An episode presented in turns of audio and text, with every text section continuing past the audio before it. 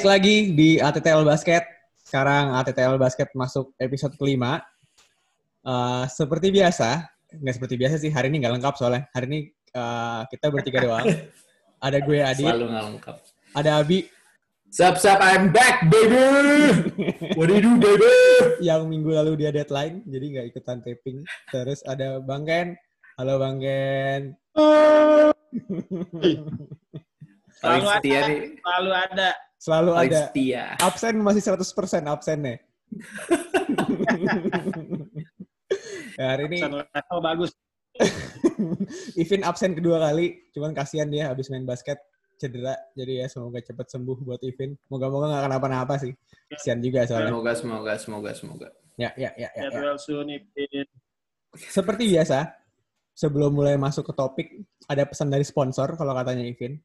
Uh, jangan lupa buat follow Instagramnya ATTL, itu di at along the touchline, jadi biar update sama semua postingannya ATTL, sama bisa buat cek episode baru sih. Terus juga karena uh, podcast ATTL ini ada di YouTube juga, dalam bentuk video podcast, jadi teman-teman bisa langsung subscribe di channel YouTube-nya ATTL, itu ada di Touchline Network. Sama satu nih yang belum pernah gue ingetin, follow juga di Spotify-nya Along the Touchline gitu. Jadi biar langsung dapat ya, update setiap ya. kali ATTL da- ada uh, episode baru gitu. Langsung aja kali ya. Langsung. Jadi yang lagi cukup hangat ini kan terkait dengan NBA return adalah itu udah mulai banyak pemain yang uh, mereka memilih untuk nggak lanjut ya, nggak ikut balik ikut main di Orlando nih gitu kan. Ada beberapa nama-nama yang nggak pemain nggak nama besar sih gitu, cuman bisa dibilang terkait dengan keberlangsungan timnya bisa dibilang cukup penting lah ya dengan apa yang ada di timnya masing-masing punya gitu kan. Nah, mungkin uh, sebelum dibahas satu-satu nih gitu kan, gue pengen nanya ke Abi dulu dari nama-nama Hmm. yang ada nih gitu. Kita ada list contekannya sebenarnya. Yang menurut lo paling signifikan di timnya tuh siapa sih sebenarnya? Uh, um, kalau gua sih, to be honest, Trevor Ariza sih. Um, di Trailblazers, di mana dia start the last couple of games di posisi tiga, menjadi that number one wing defender, taking the toughest assignments, dan apalagi di West yang small forward itu notabene bagus-bagus, kehilangan Ariza akan sangat-sangat hurt Blazers chances sih. Kalau dari gue itu. Dari Bang Ken, ada tanggapan? Yang menurut gue tuh signifikan kalau nggak ada tuh Avery Bradley. Kenapa nggak ada Avery Hmm. Bradley? Karena dia tuh di Lakers tuh cukup krusial. Eh, kalau dibandingkan dengan Kentavious Caldwell Pop, dia mendingan gue sih mendingan si Avery Bradley ya. Terus si LeBron James perlu gitu loh, kayak spot up jumper dia tuh bagus gitu. Kalau dia nggak ada ya cukup cukup bolong juga posisinya Lakers tuh bahaya. banget banget banget dibanding kantor cabang membantu memang jauh dengan Avery Bradley KCP KCP Kan KCP, iya. KCP kan add on LeBron. Kalau mau ada LeBron di- harus ada KCP. di mana dia ada itu ya, di mana dia Iya. ada LeBron ada KCP. Benar. Kalau misalkan nyambungin dari kalian berdua nih sebenarnya gitu kan. Kalau awalnya eh gue ngeliat Every Bradley itu kayaknya nggak sesignifikan itu. Cuman ternyata setelah gue lihat-lihat dari nggak yang stats, nggak advance stats sih ya gitu kan. Cuman Hmm, kalau hmm. misalkan lihat dari win loss-nya aja, ternyata Every Bradley itu hitungannya starter ya. Karena awalnya gue pikir tuh dia tuh jatuhnya kayak Ya. second unit kan. Cuman ternyata starting shooting guard-nya apa Yoi. eh, paling banyak start tuh dia kalau nggak salah 44 game apa gitu kurang lebih gitu. Yes, Ya, ya. exactly. Dan kalau misalkan lihat dari sisi permainannya kan ya dia basically bisa take on nggak not necessarily the best uh, offensive player dari lawan ya gitu kan. Tapi at least dia bisa Hmm. pegang second option di lawan yang di mana itu bakal ngebantu banget. Terus Iya. kalau misalkan ngomongin Ariza nih lagi-lagi Blazers lagi Blazers lagi. Kan. Aliza tuh penting. Gak tahu gue gak tahu kenapa sama orang-orang yang gue nggak gitu suka di NBA itu ngumpul di sana semua gitu. Dari Lillard lah gitu kan. Terus tiba-tiba Hasan Whiteside lah. Terakhir lagi Melo kan. Cuman eh, bener kayak kata Abi sih. Maksudnya Ariza sendiri kan sebenarnya masuk ke Blazers juga belakangan kan kalau nggak salah kan Ya, Ya, add-on ya, di- Ya kan? free agency atau trade ya gue lupa tuh Di, di trade ya kalau nggak salah. Dari klub terakhir. kalau misalkan apa namanya eh, tanpa berpikir panjang aja kalau misalkan ngeliat si Ariza ini kan sangat membantu seorang Carmelo Anthony kan, yang di mana basically seperti yang kita tahu seorang Melo itu kan such a defensive liability ya. Begitu Hmm. ada Ariza ini bener-bener beban defense Melo tuh keangkat banget gitu. Dan kalau nggak salah bener-bener di beberapa game awal juga kelihatan kan, karena juga Ariza mungkin karena masih baru masuk kali ya, masih hot tuh kalau nggak salah sempat ada yang sampai 20 poin. Gamenya apa gitu? Iya, karena itu gitu. dia enak banget dia kalau dari dari segi taktik emang butuh banget tuh dari Blazers dari tahun lalu adalah the 3 and D position. Dia mencoba mengisi pakai Kent Bazemore, tapi Bazemore didn't, didn't, didn't fill out. Hmm. Terus ya enak banget sekarang dengan ada Damian Lillard, CJ McCollum bawa bola, pick and roll wide side, weak side kebuka, kick out, udah Ya, ngeplos Ariza. doang tuh. Sama kayak Ru di Rockets lah. Jadi Ya, ya, ya. begitu masuk pasti langsung ngecun. Sebenarnya kan kita ada list beberapa nama nih. Satu nama sih gue Hmm. sangat tidak tertarik gitu kan, karena menurut gue nggak penting. Gue tuh pengen nyebut Bertans tadinya di- Wizards. Cuman setelah dipikir panjang lagi kan dengan kondisi Wizards sekarang tuh rasanya juga buat ngejar kayak jadi susah gitu loh, ya nggak sih? Hmm. Jadi Ya, kayaknya setuju. akhirnya si Bertans ada nggak ada, end resultnya ya, ya sama-sama aja gitu. Ya, kalau bicara Washington itu si Bertans itu dia kan posisinya sama tuh. Dia backupnya si Rui Hachimura ya. Hmm, Rui hmm, hmm. Hachimura, nah, dia eh, cukup untuk big man-nya juga ada banyak juga. Ada Thomas Bryant bisa main di empat, ada Wagner. Wagner tuh udah udah sembuh belum sih cederanya? Hmm. Ada sempat udah balik, udah balik. Ya udah balik. uh, Mahinmi juga ada jadi banyak tapi karena banyak pemainnya yang cedera juga yang offense dari segi offense juga tergantung pada Bradley Beal juga dan kita Hmm. nggak tahu ya kemungkinan John Wall main atau enggak itu kan belum tahu tapi Hmm. ada Bertans nggak ada Bertans kayaknya sih nggak terlalu signifikan ya karena kita lihat bisa tahu sendiri gaya permainan dia kan dia uh, three point pasti uh, buat apa uh, wing pasti mainnya di wing juga buat Ya, ya. offense nggak terlalu signifikan lah dia defense apalagi Ya, ya. Dangnya Tapi- bagus sih, bagus. Tapi itu sih salah satu yang mungkin tadi Om Ken udah touch juga. Cuman mungkin kalau gue dari segi gue, dia secara offensive rating di Blazers, di Blazers lagi, di Wizards tuh salah satu yang paling tinggi tuh. Jadi karena semua tergravitate ke Bradley Beal, kalau kata-kata dari Om Ken bilang, begitu dia dapat bola di luar tuh hampir pasti kosong. Dan dia punya nickname Latvian Laser for a reason. Iya, iya. Diulang-ulang mulu. Banget, cuy, Latvian Laser. Siapa lagi yang punya nama kayak gitu? eh, terus sebenarnya ada satu nama lagi gitu kan cuman ya for the sake of the discussion lah gue sebut lah gitu karena gue juga pribadi sama orang ini nggak suka sih ada Willie Cauley-Stein nah, kan Ya, akhirnya dia Banyak main feeling nih main NBA. habis opting Iya deh. cuman setelah gue pikir-pikir lagi kayaknya sentimen gue sama dia gara-gara di fantasi sih gara-gara Iya. Stats line itu nggak jelas kan yang di mana dari Suka- stats line dia yang nggak jelas tuh menunjukkan bahwa orang ini karakter mainnya nggak ada gitu Tapi ya bener sih maksud gue untuk overall draft pick kelima apa pokoknya top top top ya dia 10 top, lah dia top 10 top 10 deh top top 10 kan. Memang dia nggak nggak nggak memenuhi ekspektasi sih kayak that defensive defensive leader buat Kings di Hmm. posisi 5 atau 4. Ya, tapi sekarang ya jadi pelapis DeAndre ya cukup ya lah. udah levelnya gitu doang Eh pelapis DeAndre, pelapisnya Porzingis cukup Le- lah. mentok levelnya di situ gitu kan Hmm. sebenarnya sama Ya, di- ada Hah, gimana bang Ken? Di, di Dallas itu juga ada si Maxi Kleber juga. Kalau gue sih Iya, itu dia. Ya, opsinya lebih bagus.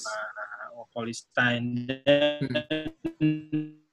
satu big yang gede banget tuh si Boban. Bu. Unleash Boban. Tapi sayang banget sih Dwight Powell sebenarnya buat sistemnya Dallas tuh paling bagus tuh Dwight Iya, Powell. cuma cedera. Dia di Hmm. down karena cedera. Jadi mereka harus tergantung pada Maxi Kleber secara ini dan Boban mungkin menitnya juga nggak banyak. Tapi kalau Iya. Willie Collistan nggak ada di datang ke Orlando, mungkin Kristaps bakal main 5, kebanyakan atau 5, si Kleber 4. Mungkin. Atau kita Iya, nggak tahu. iya, iya. Mungkin bisa kita lihat season depan sih gimana nya kan. Terus ada satu nama lagi, cuman dia sebenarnya bukan bukan pemain di franchise mana pun sih dan jadi topik bahasan minggu lalu ada Boogie Cousins. Begitu bahas tuh. Bisa dibilang bisa dibilang menepis semua bahasan dari episode kemarin sebenarnya karena dia akhirnya opting out juga kan daripada dia maksain ngotot di season ini. Ya udahlah, gue istirahat aja season ini, simpan buat season besok aja gitu. Ada yang take dia nggak sih? Maksudnya ada tim apa yang ada inquiry dia menariknya buat Banyak pasti. Cuman masih belum open ya kayaknya ya, masih Iya. belum jelas. Iya, Benar-benar. iya, iya. Ya kan? Nah, cuman misalkan Hmm. tadi kan kita udah sebut uh, nama lima pemain nih, ya kan? Ya kita uh, apa? Let's just take Boogie Cousins out lah, karena basically out of the occasion juga kan, nggak bakal main di mana pun juga gitu.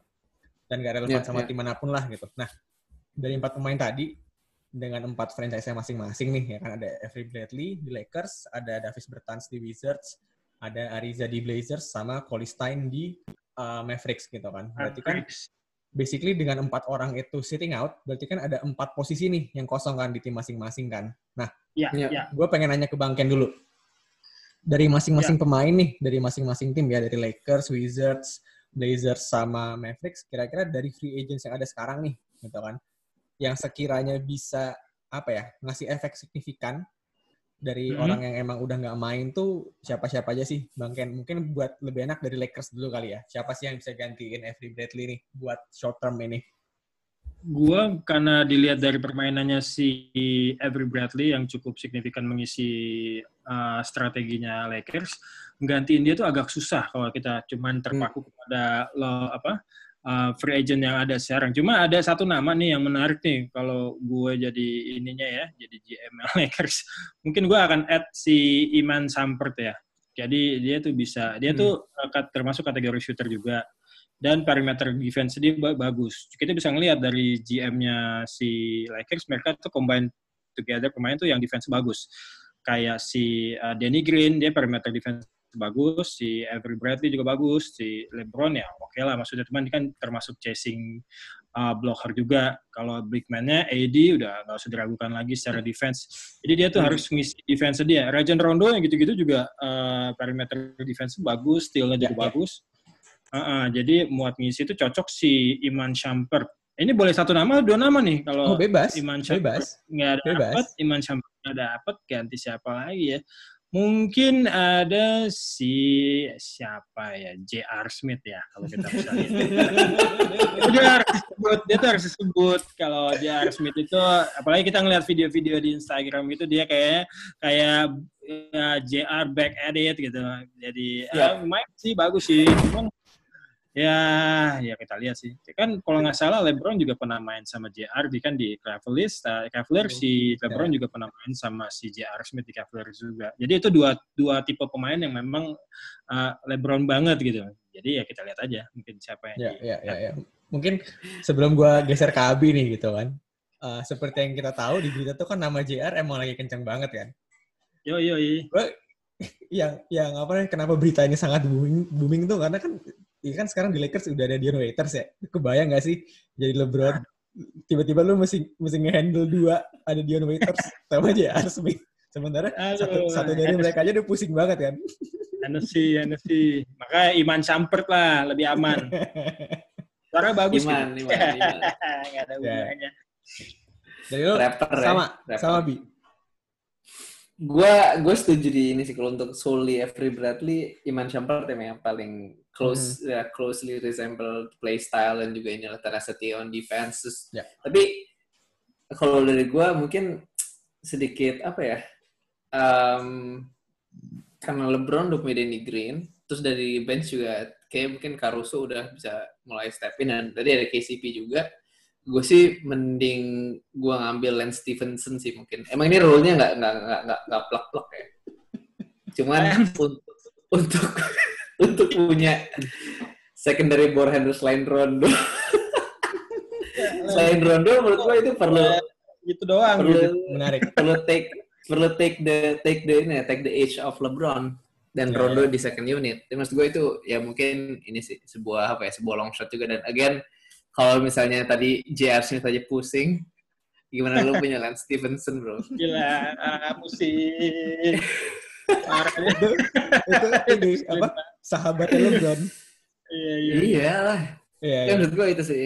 Ya itu mungkin dari second round. Tapi kalau dari segi apa ya? Kalau first of all mungkin Shumpert sih yang gue akan ambil. Ya, Ketimbang ya, ya. JR ya. Gua Dan JR suka, suka lupa shot clock juga kan. Eh suka lupa waktu. Ya, Bukan ya. lupa waktu, lupa kalau timnya kalah. lupa kalau ada yang sini. itu, itu, itu epic sih. JR, Nah, JR. gue sebenarnya gini, pas eh, apa namanya tahu nama Bradley lepas sambil gue lihat nama free agents yang ada kan, uh, sama dengan kondisi tim Lakers yang ada, gue mikir nyari gantinya tuh nggak yang like for like gitu. Karena kan kayak misalkan yang tadi kalian mention kan yang bisa dibilang posisi yang sejenis kan. Ya. Nah, dengan gue ngelihat uh, kombinasi Lakers yang ada tuh kan bisa dibilang apa ya uh, big man presence-nya tuh bener-bener big man dalam semua kan orang-orang Ya, ya. yang uh, kayak Dwight, AD sama JaVale itu kan bener-bener center dominan di dalam gitu. Nah, Ya. dari nama yang sudah di provide oleh Abi ini ada satu nama yang cukup mencolok buat gue. Nggak necessarily big man sih sebenarnya. Cuman kalau misalkan lihat dengan gaya main LeBron itu kan LeBron selalu cocok dengan orang yang uh, orang yang shootnya bagus lah ya, cocok dengan shooter Hmm. kan. Satu Ya. nama yang menarik buat gue tuh ini uh, Jonas Jerebko. Jonas Hmm. Jerebko. Ya. Oke, oke. Boleh lah JJ. Not necessarily the best of the bunch gitu. Cuman kalau misalkan lihat dengan kondisi tim yang ada, ya one option juga gitu ya kan. Mungkin nggak se-obvious Shumpert atau JR gitu. Cuman gue nggak tahu Hmm. tadi karena practically ya big man mereka yang ambil shoot siapa sekarang gitu. Hampir nggak ada kan. Meskipun emang Iya, ada-ada di odd occasions tiba-tiba salah satu dari Juvel atau Dwight nge-shoot dari luar kan. Cuman kalau misalkan ada Jerebko kayaknya lebih reliable gitu. Jerebko ya. Mungkin abis itu geser lagi gitu. Kita sekarang Eh, geser. Matt, sorry, sebelum geser lo, gue kemarin baru ngeliat video-video center-centernya Lakers ini latihan three point nih, Howard sama JaVale. Lu coba lihat deh, mungkin nanti viewers juga bisa cek nih video JaVale McGee latihan three point itu ngeliatnya nggak enak banget, kaku banget, tapi masuk mulu bos dari corner. kalau mungkin misalkan kita bisa lihat tuh, bisa kita lihat tuh. kalau misalkan apa video Juvel, Juvel terutama ya, gue sebagai salah satu pengikut juga gitu kan. Karena ya orang itu kan bisa dibilang apa ya magnet media lah gitu kan apa yang dia lakuin banyak disorot sama media. Sempet dua apa tiga off season terakhir tuh udah sering dikasih lihat video dia tuh latihan ambil trees mulu gitu kan. Cuma kan nggak ke ke game, gimmick doang, udah gitu. Dia banyakkan setting full kalau rasa sih. Shakting MVP. Ya, Tapi ya. ya itu sih. Nah, Menarik, iya. menarik, menarik. mungkin Nah. geser lagi gitu kan. Kalau misalkan tadi kita ngomongin siapa yang bisa gantiin Avery Bradley di Lakers, eh, kayak yang tadi gue bilang kan Bertans rasanya nggak signifikan. Mungkin kita lewatin aja nggak apa-apa kali ya. Nah, yang cukup menarik, nama yang pertama tadi Abi sebut nih, Ariza gitu kan. Kira-kira ada nggak sih yang bisa fill lobang yang Ariza punya gitu, yang Ariza tinggalin gitu? Feel lobang bahasanya. Oke, oke, oke, oke, oke. Tapi gua um, lu bilang dia mungkin gue masih mau ketawa dulu. Ariza, Ariza tuh gue mesti go with with Lance Stevenson sih, cocok gua. Ariza, karena di Blazer itu eh, mereka butuh yang bisa penetrasi selain si Hmm, hmm, Lillard, hmm. si uh, McCallum dan si Hmm. Lance Stevenson. Walaupun begitu juga dia bisa penetrasi, walaupun kadang-kadang ya probability itu bola goes in tuh ya kecil gitu. Cuman lumayan deh kalau nggak ada Ariza, jadi orang tuh uh, bisa take uh, uh, attention sedikit ke dia gitu. Dan lumayan lumayan menghibur kalau dia masuk situ sih. Hibur.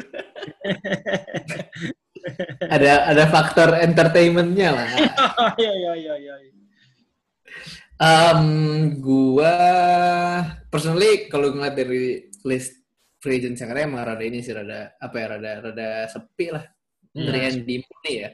Ya paling yang paling mentok ya tadi Iman Shumpert dan ini. Tapi maksud gua there's a good point dari Om Kian bahwa emang Blazers selama ini lacking that second unit ball handler. Mereka harus selalu stagger Damian Lillard sama Ya. CJ McCollum playing time-nya kadang-kadang. Cuman kalau dari segi slot in Ariza mungkin gua gue nggak tahu uh, there's some some value in I think J.R. Smith kalau misalnya ke sana juga juga seru sih. J.R. Smith ya. ya, ya. Bayangin kayak kalau misalnya tapi ini akan kehilangan dari defense-nya banget. Tapi maksud gue ya if if if you don't have your defensive stopper dan nggak ada lagi di tim lo ya what better way to counter that dengan offense, full offense. Lo mau skor 140, gue skor 141. Ya, ya, ya. Exactly. Dan Betul. dan kalau misalnya dengan adanya si JR ya itu udah udah fix offense-nya bakal makin jalan sih. Si- eh, Empat orang bisa nembak dari mana pun. Melo, eh, Lillard, CJ McCollum, eh, sama JR. Dan juga kalau mau go inside, you have Hasan Whiteside. Dan Nurkic mungkin harusnya sudah kembali. Ya, ya, ya, ya, ya. Ya, ya, ya, menarik, menarik. Oke oke oke. Gue juga sampai nyontek-nyontek Lisa lagi nih sebenarnya gitu kan. Cuman nggak tahu ya kenapa. Sebelum mungkin gue sebelum nembak siapa orangnya gitu, gue kepikiran eh apa ya?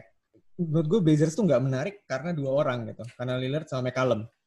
Kenapa? BT dia oke. Jamet kalau misalnya bahas Blazers, Bahasa terlalu pakai feeling gitu. nggak apa-apa, nggak apa-apa. Nah, nggak. Tapi maksudnya apa? On a little bit more serious note ya gitu kan. Gue ngeliat sama Hmm. mereka berdua tuh apa ya? Kayak memaksakan untuk main bareng gitu loh. Jangan mereka gitu. berdua tuh siapa sih? Lillard sama McCallum McCallum. Ah iya iya. iya. gitu. Meskipun Ya, meskipun McCallum to some level tahu diri gitu. Ya, dia masih di bawah Lillard jadi dia mau ngikut gitu. Cuman gue ngeliatnya Mhm. karena ya dua-duanya itu kan bisa dibilang uh, practically speaking gue kan mereka two guard kan yang di mana benar-benar butuh bola gitu. Mereka kan Mm-mm. Ya. apa namanya mereka their own shot creator gitu. Mereka nggak bergantung sama orang lain untuk buka shotnya sendiri gitu. Somehow tuh kalau misalnya mereka berdua lagi main bareng tuh mixnya agak aneh gitu kan. Nah cuman mungkin baik lagi gitu. Gue ngeliat kalau misalkan kayak di Blazers tuh sebenarnya gue lupa tadi Abi apa Bang Ken yang bilang ya. Kayak butuh offensive second unit itu bener banget. Gue setuju. Hmm. Iya. Ya kan, jadi kan bener-bener karena kan sebenarnya karena offense mereka itu uniknya Blazers itu kan adalah big man mereka tradisional semua kan. Hmm. Jadi kayak Iya. timnya ke split dua tuh, ada guard Lillard McCallum, ada forward yang zonanya abu-abu, cuman kalau misalkan yang isi tipe-tipe 3ND model Ariza gitu akhirnya bagus dan bener-bener dua big man itu ya udah pure big man gitu. Maksudnya mereka nggak main pakai stretch atau misalkan uh, big man yang lebih modern lah bahasanya gitu kan. Bahkan kombinasi mereka yang paling banyak aja ya karena Nur cedera sih. Mainin uh, Whiteside sama Melo kan, di mana itu fitnya aneh banget menurut gue gitu. Nah, balik lagi ke second unit tadi, kalau misalkan lihat dari nama yang ada ya, nama yang paling menarik tuh menurut gue ini, we're talking all about offense kayak Abi bilang tadi kan, nggak bisa defense nggak apa-apa, tapi offense harus gila. Yang paling menonjol tuh Jamal Crawford, man. Waduh, itu juga saik sih. Maksudnya tua tapi terlepas nah itu beliau, beliau istirahat kan. Udah kepala empat gitu. Cuma kalau misalkan dibandingin nama-nama yang udah ada, yang offensive skills-nya jelas paling ada tuh dia gitu. Dan dia nggak depend sama orang Hmm. lain untuk bikin shotnya sendiri kan. Ya. Sama ada satu Ini- nama lagi sih sebenarnya. Yang sangat menarik gitu. Karena kebetulan baru di wave juga gitu. Chandler Hmm. Parsons. Aduh, jangan deh. Ya, dia harusnya udah kenyang sih dia dengan uang segitu banyak di Memphis. Bercanda, bercanda, bercanda. Tapi ini sih Matt, sorry, Hmm. buat ini um, kita juga nggak bisa lupa tuh si Portland punya Zach Collins yang Yes. kayak kemarin sempat cederaan deh. Itu stretch for stretch for stretch five juga tuh mirip-mirip Porzingis lah kayak kurus-kurus, bloknya bagus dan Ya. shootnya juga pancen oye. Tapi ya itu masih muda lah. Menurut gua nggak. Masih, kayak- masih cedera sih kayak dia. Masih Hmm, cedera. dan, Udah- dan udah sembuh bukan ya? pasti dipertanyakan. Maya kemarin sempat itu deh, belum belum stabil lumayan setahu gue. Iya, iya, iya, iya. Ya. Tapi Jadi- bicara mengenai Portland itu, uh, menurut gua ada satu nama di Portlandnya sendiri tuh yang bakal jadi ball handler buat uh, second unit offense yang seperti dibilang. Si Anthony Simmons dulu cuma main, Oh, yang muda itu ya. uh, dia three point jalan, dia penetrasinya bagus, asisnya juga bagus. Cuman kalau mereka mesti ngambil lagi offense itu ada satu nama tuh di free agency itu yang menarik juga kelewat tadi itu si Tyler Johnson. Johnson Udah, lumayan- udah udah udah ke Nets dia kan. Iya, Oh, dia udah ke Nets ya? Udah confirm Ya, ke udah Nets ke ya? Nets. Oh, iya, Ya, iya. ya, Iya ya, sih, ya. kalau dia belum sih, tadi menarik juga tuh kalau dia masuk ke sana. Good, good point. Cuman sih kayaknya sih belajar bakal heavily ya, depends sama si Anthony Simmons deh. Kalau misalnya si ini juga nggak ada. Si, apa namanya? Si Ariza maksa untuk opt-out nggak main di Orlando. Iya. Cuman itu Benar sih sih. nyambung apa namanya? Somehow nggak tahu ya. Gue kadang ngeliat eh, apa namanya dengan komposisi tim yang ada di Blazers nggak Iya. tahu moga-moga salah gitu. Gue ngeliat jadi akhirnya kayak kapabilitas Terry Stotts tuh apa ya nggak fleksibel gitulah akhirnya Hmm. gitu. Karena kan logiknya gini kayak misalkan Blazers musim lalu tuh Blazers kalau nggak salah peringkat berapa tiga ya tiga apa empat di Western. Eh, Maksudnya eh, top seed kan. Ya. sit- Cuman tiba-tiba nah. season ini tuh terjun bebas gitu. Ya, ya, ya, ya. gitu dan tambah lagi itu tadi bener-bener heavy di second unit dan second unit tuh timpang banget Ya. Gitu jadi ini terkait dengan eh, apa namanya NBA return free agency ada lagi nggak nih yang perlu kita bahas lagi Hmm. Tans kasihan nggak dibahas tuh bertans. siapa bertans mau bahas Wizards Nah, nah, dia bertas kayak kalau misalnya ini kita juga ada di ada si Ryan Anderson tuh kan. Mirip plak, itu plak-plakan banget tuh. Ya, ya, ya. Cuma kalau misalkan ngomongin Ryan Anderson ya, karena somehow tuh gue ingetnya tuh abis dari Suns tuh dia ke hit somehow gitu. Cuma kan Sempet, sempat sempet emang. sempat bentar ya, habis itu di Waves lagi. Hmm. Di wave lagi. Ya, Terus kemarin kan, sempet ke Rockets, cuman nggak nggak nggak nggak masuk. Mainnya nggak dimainin lagi kan. Nah, ngangkat juga dia di sana. Iya. Iya. kan kayak misalkan Ryan Anderson kan sebenarnya kan dia udah lepas dari kontraknya yang sangat menjijikan itu kan. Masif Maksudnya- itu ya, masif. Yang gue bingung kenapa nggak ada tim yang mau ngambil gitu ya. Bahkan sebelum gue tadi sebut nama Jerebko buat di Lakers, gue sempat kepikiran mau nyebut Ryan Anderson. Hmm. All and all three point shoot, uh, three point shooter kan sekalian gitu. Kalau kalau menurut gue sih si Ryan Anderson itu emang karena secara performance juga dia ah, menurun ya. Kalau dilihat dari Hmm. year by year dia punya performance tuh. Beda sama si Jared Poe Jared Poe pas di Golden State wah ngangkat banget dia. Bagus dia malah poin dia three point ya poin krusial krusial poin tuh dia bisa deliver gitu dengan baik. Cuma kayak Ryan Anderson tuh kayaknya hmm, enggak sih. Dengan Jared Poe sih daripada Anderson Ya, Ya, ya. ya, ya, Ya. ya, ya, ya. ada satu nama menarik nih di free agency yang Gua- yang gua tahu. gimana ya Gua tahu nih. Gue tahu nih. apa nih Gue tahu, gue tahu. Bang jangan ngomong dulu. Gue mau nebak. Gue mau nebak. Gue tahu. ada satu nama tuh Gue tahu. Gue mau nebak. siapa Siapa nih? Isaiah Thomas. kawan Iya kesian deh kesian loh asli tapi dia tuh Cuman- bagus Cuman ya mungkin kali karena- nasib ya. karena kesebut nih kan nama Isaiah Thomas Mm-mm. kan. Mungkin Uh. kita bahas sedikit gitu. Maksudnya Ya, boleh gue sebenarnya gini agak kasihan dengan dia. Basically kan karir dia rusak gara-gara cedera dan Danny. Ainge nggak ngasih kepercayaan lagi kan gitu. Dan akhirnya juga Ya, ya. ya downhill lah dari sana gitu kan di Nuggets. Di Nuggets tuh sebenarnya nggak jelek-jelek banget. Cuma kan akhirnya sempat begitu eh, pemain-pemain Nuggets yang cedera, gue lupa either Gary Harris atau Jamal Murray balik, akhirnya minutes-nya eh, Isaiah Iya, turun lagi kan. Dari situ udah Betul. nggak jelas. Terakhir apa? Wizards ya berarti? Wizards, di Wizards. Di Wizards juga sempat oke sih tuh. Maksudnya kayak apa ya? Makanya filling in ada buat beberapa game gitu kan. Berarti kan emang Mm-mm. isunya tuh kayaknya eh, bukan di skillnya dia yang menghilang gitu kan. Cuman emang karena nggak dikasih minutes, ya dia nggak bisa showcase apa yang dia punya gitu. Hmm. Ah, iya karena dari perspektif apa eh, parameter defense dia itu juga kan eh, apalagi apa inside inside defense ya dia nggak bisa diharapin banyak lah. Jadi mungkin orang yang tim yang heavily eh, bergantung pada defense ya mungkin mempertimbangkan kali nama dia. Cuman secara offense itu sebenarnya jago banget gitu. Menarik banget tuh three point. Visionnya juga bagus. Cuman ya gitulah. Nasib sih kalau gue bilang sih nasib sih dia. Nasib.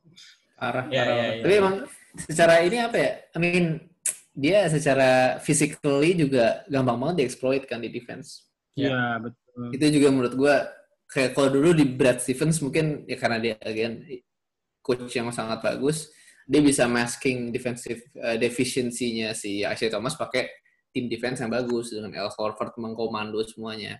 Cuman nggak mu- nggak nggak mungkin semua tim punya komando kayak Al Horford kan. Ya, ya, ya. Itulah jadi menurut gua susah.